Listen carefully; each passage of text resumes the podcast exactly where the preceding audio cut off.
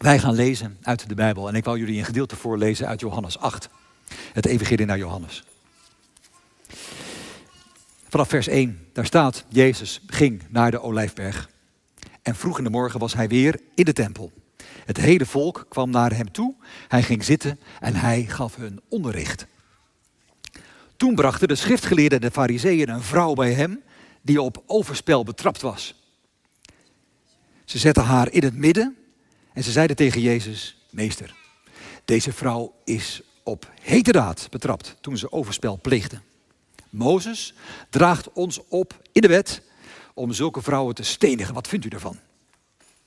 En dit zeiden ze om hem op de proef te stellen, om te zien of ze hem konden aanklagen. Jezus bukte zich en schreef met zijn vinger op de grond. Toen ze bleven aandringen, richtte hij zich op en zei: Wie van jullie zonder zonde is, laat die als eerste een steen naar haar werpen. Hij bukte zich weer en hij schreef op de grond. Toen ze dat hoorden, toen gingen ze weg, één voor één. De oudste het eerst. En ze lieten hem alleen met de vrouw die in het midden stond. Jezus, is, Jezus richtte zich op en hij vroeg haar, waar zijn ze? Heeft niemand u veroordeeld? Niemand, Heer, zei ze. Ik veroordeel u ook niet, zei Jezus. Ga naar huis en zondig vanaf nu niet meer. Ik wil het graag met jullie hebben over zonde, oordeel en de doop. En ik besef dat dit misschien wel heel zwaar klinkt.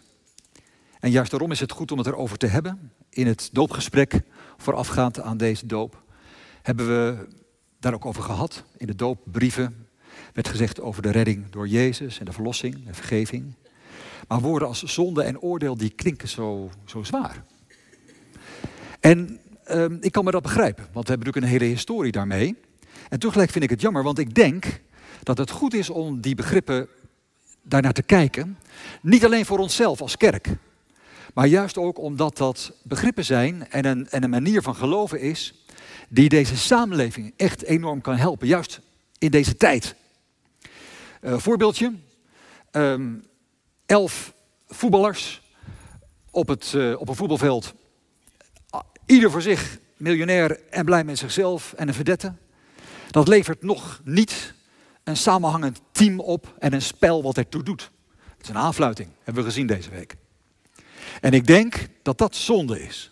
Zonde dat je niet met elkaar verbonden bent, dat ieder op zich staat. Oordeel is dat je geconfronteerd wordt met iets wat groter is, veel beter, mooier dan jezelf. En dat het je wakker schudt en denkt, wacht eventjes, er is voor mij nog wel een mijl te gaan. Dat is oordeel. En de doop, die vertelt je dat zonde, oordeel er zijn, maar dat je dat niet alleen in je eentje moet lopen uit te knobbelen en proberen een heel goed mens te zijn. Natuurlijk probeer je dat. Alleen er is een God die in Jezus jou een hand reikt en met je gaat. En elke dag weer opnieuw jou omkleedt met zichzelf, jou een nieuwe identiteit geeft. Om in die liefde van Hem te leven. Om vanuit die vergeving in de wereld te staan. Nou, eigenlijk ben ik nu klaar met mijn uh, overdenking. Dit is hem. Alleen, ik wou jullie nog wel ook meenemen naar Johannes 8, want ik heb dat niet allemaal zelf bedacht. Althans, dat, dat wil ik graag duidelijk maken, dat ik dit in Johannes 8 vind. Dat die Bijbel dit hier de weg in wijst. Want wat is het geval? Jezus is in de tempel. Hij is in dat huis van God. Dat bedehuis. Een plek eigenlijk waarvan je zou zeggen, hier komen mensen samen om met elkaar God te loven en te prijzen en elkaar op een nieuwe manier weer te vinden. Daar is die tempel ook voor bedoeld. Het is de berg Sion waar die tempel staat. En die berg Sion is bedoeld als een voorbeeld voor alle volkeren. En ooit zullen alle volkeren daarheen stromen, omdat ze daar de gerechtigheid het leven volgens Gods ordening zullen leren omdat het hen goed zal doen. Maar wat gebeurt er in de tempel ondertussen? Ondertussen komen er schriftgeleerden en fariseeërs naar Jezus toe om een debat te voeren. Een debat over een vrouw. Die wordt erbij gesleept. En die vrouw, ja, daar is eigenlijk geen interesse in. ze is gewoon een voorbeeld. De schriftgeleerde fariseërs beweren dat ze haar op hete daad hebben betrapt met overspel. Dat doet er eigenlijk ook niet eens toe. Uh, het is een voorbeeld, want ze willen Jezus een loer draaien. En ze zeggen dus, kijk, volgens de wet moeten we deze vrouw stenigen. Wat doen we? Doen we dat ja of nee? Het klopt, uh, althans het klopt een beetje. In Deuteronomium 22, vers 22 staat dat als een man en een vrouw overspel plegen, en die vrouw is getrouwd, dat dan beiden gestenigd moeten worden. Er is mij geen verhaal bekend in de Bijbel waarin deze wet ooit is uitgevoerd. Dit is ook de vraag of dat moet. Is de wet daarvoor bedoeld? De schriftgeleerde fariseërs, die hebben geen enkele interesse in die vrouw verder, ook niet in de man of de vrouw met wie ze overspel gepleegd heeft. Wie zal het zeggen? Geen idee. Uh, ze halen er een bijbelvers bij en ze gaan kijken. Als Jezus zegt ja, ze moet gestenigd worden, staat in de wet. Ja, dan zou dat voor het eerst zijn, dan hebben we een schandaal. En als Jezus zegt van nou ja, nee het hoeft niet. He, je, moet, uit liefde leven of zo. Uh, dan, uh, dan hebben ze ook een schandaal, want dan houdt Jezus zich niet aan de wet. Nou, waar ben je dan als Joodse uh, wetgetrouwe gelovige? In beide gevallen hebben ze een klem. Maar nogmaals, geen interesse in Jezus, geen interesse in die vrouw. Het is een geval, een object. En wat doet Jezus? Jezus schrijft, hij bukt zich en schrijft met zijn vinger in de grond. Op de grond, in het stof. En daarmee houdt hij hen Jeremia 17, vers 13 voor. Want daar staat, Heer, bron van Israëls hoop, wie u verlaten zullen te schande staan, wie van u weggaan zullen in het stof worden geschreven. En dat is wat Jezus doet. In het stof schrijven. En eigenlijk zegt hij hiermee dus, kijk, we zijn in de tempel, de plek die een voorbeeld zou moeten zijn voor alle volkeren. En wat zijn we? We maken onszelf te schande met zo'n haarkloverij. We zijn die bron van hoop niet meer. We zijn onszelf kwijt. Waar slaat dit op? De fariseeërs begrijpen dat geloof ik nog niet. Ik weet het niet. Ze blijven aandringen, staat er in elk geval. Van nou, geef eens een antwoord, stenigen ja of niet. En dan zegt Jezus die bekende woorden. Wie van jullie zonder zonde is, laat hij als eerste een steen naar haar werpen. Dat is wel bijzonder om even bij stil te staan, want Jezus introduceert dus het begrip zonde. En dan gebeurt er iets. Er gebeurt iets bevrijdends. En dat zou ik nou voor onze tijd ook zo mooi vinden, als dat zou kunnen. Dus Jezus gebruikt het woord zonde. En dan krimpt niet iedereen in één. Nee, dan druipen ze af. De oudsten het eerst, fariseeën, schriftgeleerden. Ze laten de vrouw in het midden staan en ze gaan weg. Want ze beseffen, wacht eventjes. Wie zonder zonde is. Ja, zonder zonde. We waren met zonde bezig. Hier, dit wat wij aan het doen waren, is zonde. Iemand zonder verbinding gewoon neerzetten en weg. Zonde, in het Grieks betekent is dat hamartia. Ha is niet, martia komt van meros, van verbinding. Betekent zonder verbinding zijn. Losstaand. En een leven zonder verbinding, daarin kunnen de waarde, waarden van het leven geen kans krijgen. Want alles wat van waarde is in het leven, eh, liefde, hoop, geloof, medemenselijkheid, dat alles bestaat alleen maar als je deelt. In je eentje is dat niks. Dat brengt je niet verder. En dat is in onze tijd zo'n belangrijk besef. En dat is in de Bijbel ook zo, want hamartia, dus zonde, ja, niet verbonden, maar dat betekent ook zoals een pijl afgeschoten wordt en dan een beetje wegfladdert en nergens terecht komt. Ehm, geen verbinding krijgt, niet, niet bij een doel uitkomt. Um, zonde betekent ook niet zonder doel leven. Je leven heeft geen doel. En heeft dus ook geen betekenis voor anderen of in het bestaan. God is schepper. Hij schept licht. Hij schept mensen naar zijn beeld. En wat maken we ervan? Iets op zichzelf staans zonder betekenis. Nou, dat zou naar mijn idee in deze tijd een goed begrip zijn. Als ik kijk naar het vaccineren bijvoorbeeld. Um, ik, ben, ik ben heel blij dat we in Nederland ontzettend veel vaccineren tegen COVID. En tegelijk vraag ik me wel eens af, is het terecht dat we dat zo op onszelf zien, in onze eigen bubbel? Wij zijn gelukkig dat wij gevaccineerd zijn. Terwijl je ziet dat er wereldwijd miljarden, letterlijk zijn, voor wie nog geen enkel uitzicht op enig vaccin is. Wat is het doel daarvan? Even ook gewoon wetenschappelijk gezien. Er zullen nieuwe varianten komen die misschien dit, deze, dit vaccin wel weer onderuit halen. Maar ook vanuit welke, welke manier van denken zijn wij dan bezig? Vanuit welke bubbel? Alleen aan onszelf denkend. Mag de blik een beetje meer verbonden zijn, een beetje meer doelgericht? Als we met vaccins bezig zijn, mag dat dan ook betekenen dat we een opdracht hebben in de wereld om mensen te beschermen tegen een ziekte? Dat we daar ook mee bezig zijn, ook al kan het niet allemaal gelijk. Mag je dat zonde noemen? Dat wij dingen hebben voor onszelf en dat we dat niet verbinden aan anderen? Iets anders is dat je zonde ook ziet. Uh, in onze omgang met geld. Steeds meer mensen, ik weet het zal voor jullie misschien niet geld hoor, maar je kent vast wel om je heen hoe dat gaat. Voor steeds meer mensen is geld verdienen op zich een doel in het leven. Geld is goed en meer geld is beter, is dan het idee. Ik denk dat het begrip zonde ons kan helpen om daar anders naar te kijken. Want wat is de verbinding? Wat doe je met dat geld? Wat, wat heeft dat geld voor betekenis? Wat voegt dat toe aan jouw leven? Wat voegt dat toe aan het leven van anderen?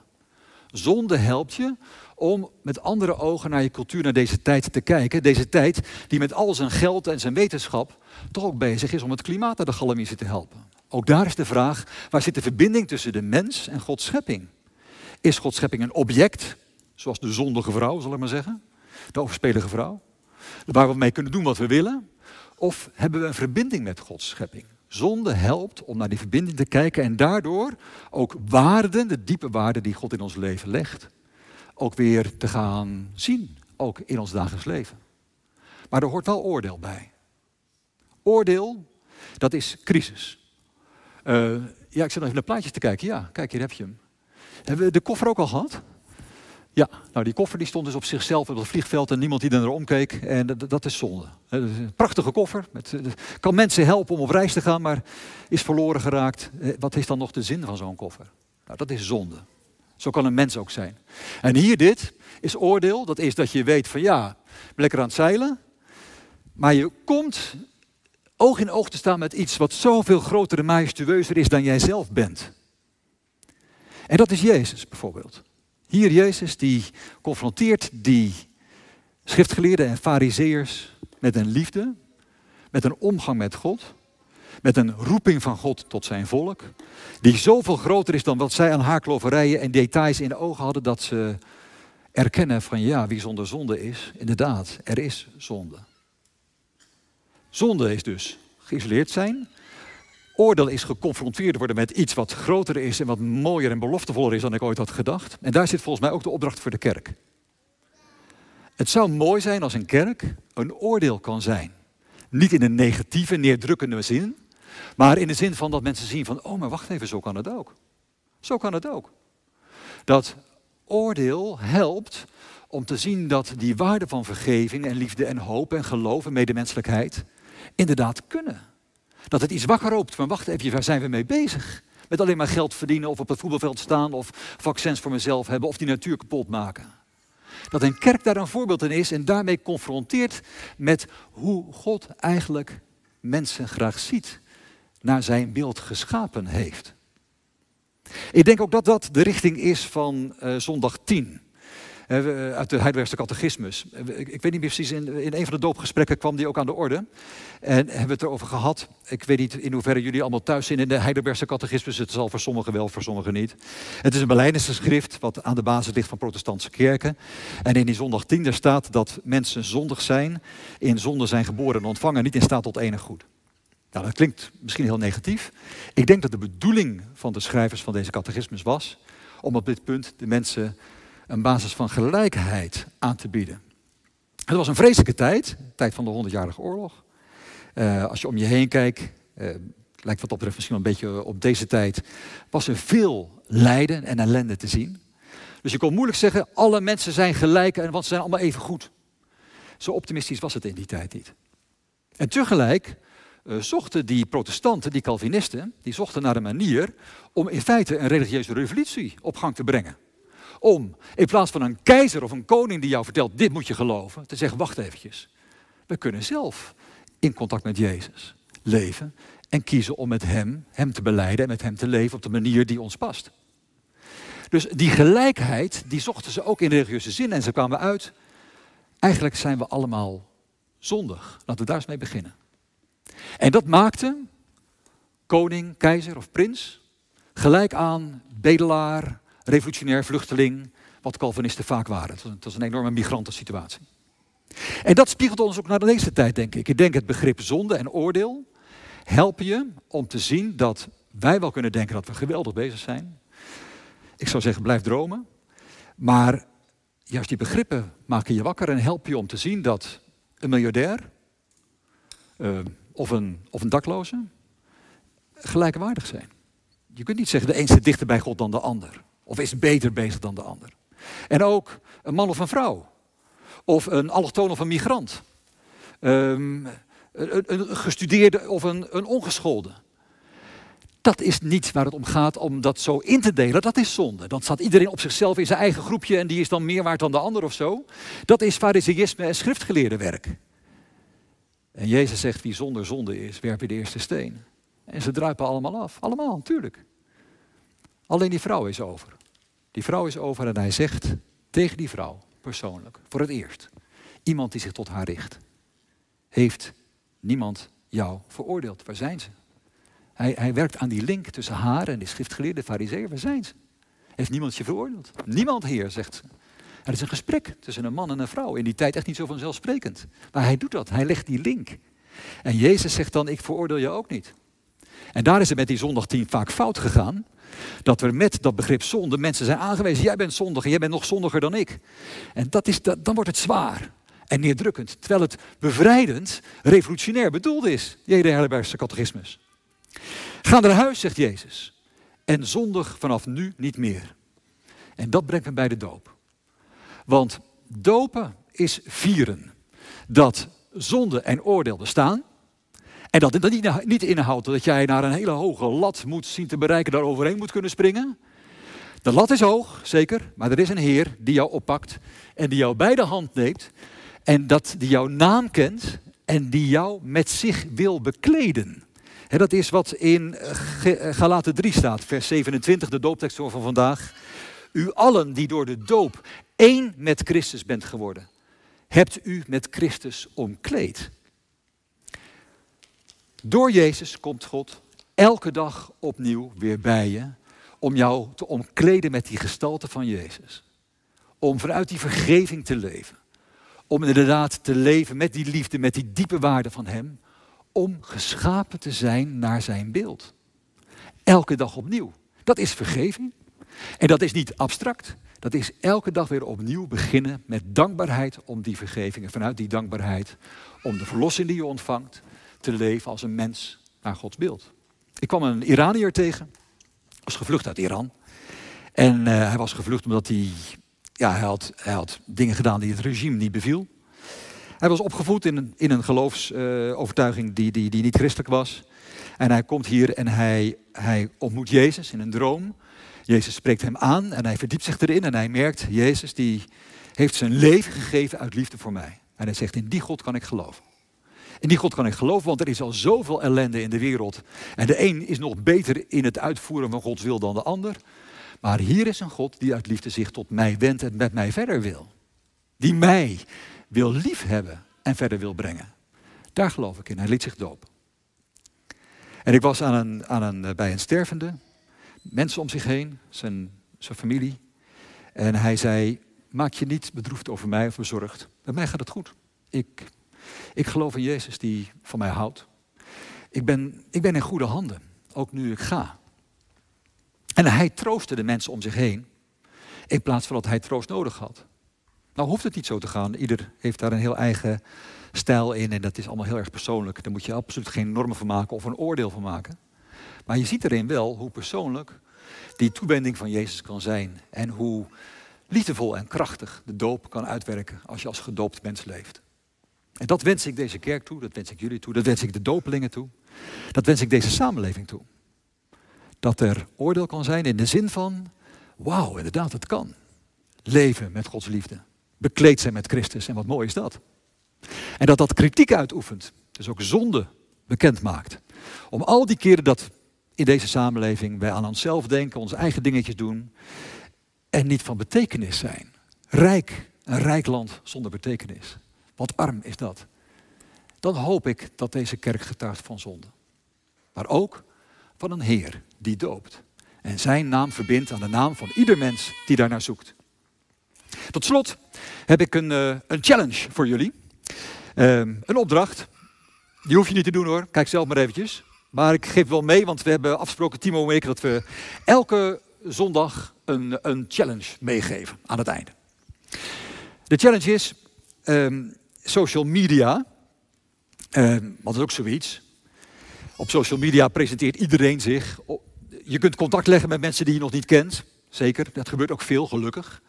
Maar het gebeurt ook nogal veel dat mensen van social media hun leven maken. Ze zetten hun uiterlijk, hun aanpak in de etalage. Hoe geweldig ze zijn. Met als gevolg dat er depressiviteit onder jongeren groeit naarmate van het gebruik van social media. Um, ik denk dat kan misschien ook wel anders. Als je een account hebt, uh, ik weet niet, Instagram of zo, of Snapchat of Facebook. Of, of je, hebt de, de, je bent van Kruispunten, je hebt de Scipio-app. Open je hart.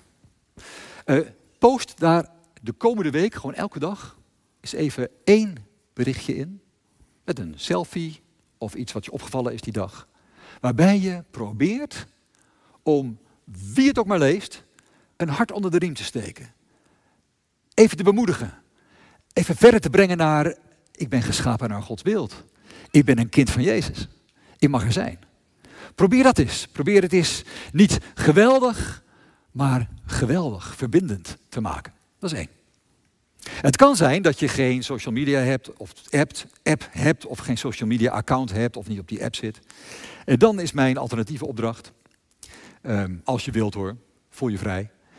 Koop twee bossen bloemen deze week. Eentje voor jezelf en de ander voor een ander. Je kunt ook twee, twee bloemen kopen, is ook goed. Of twee bloemen plukken, dat mag ook, prima. Maar eentje voor jezelf, eentje voor een ander. En je gaat naar iemand toe waarvan je normaal gesproken denkt van wacht even, die, die, die persoon heeft het fout gedaan. Ik ben het niet met hem eens. Of haar eens. Klopt niet. Geef die een bloem.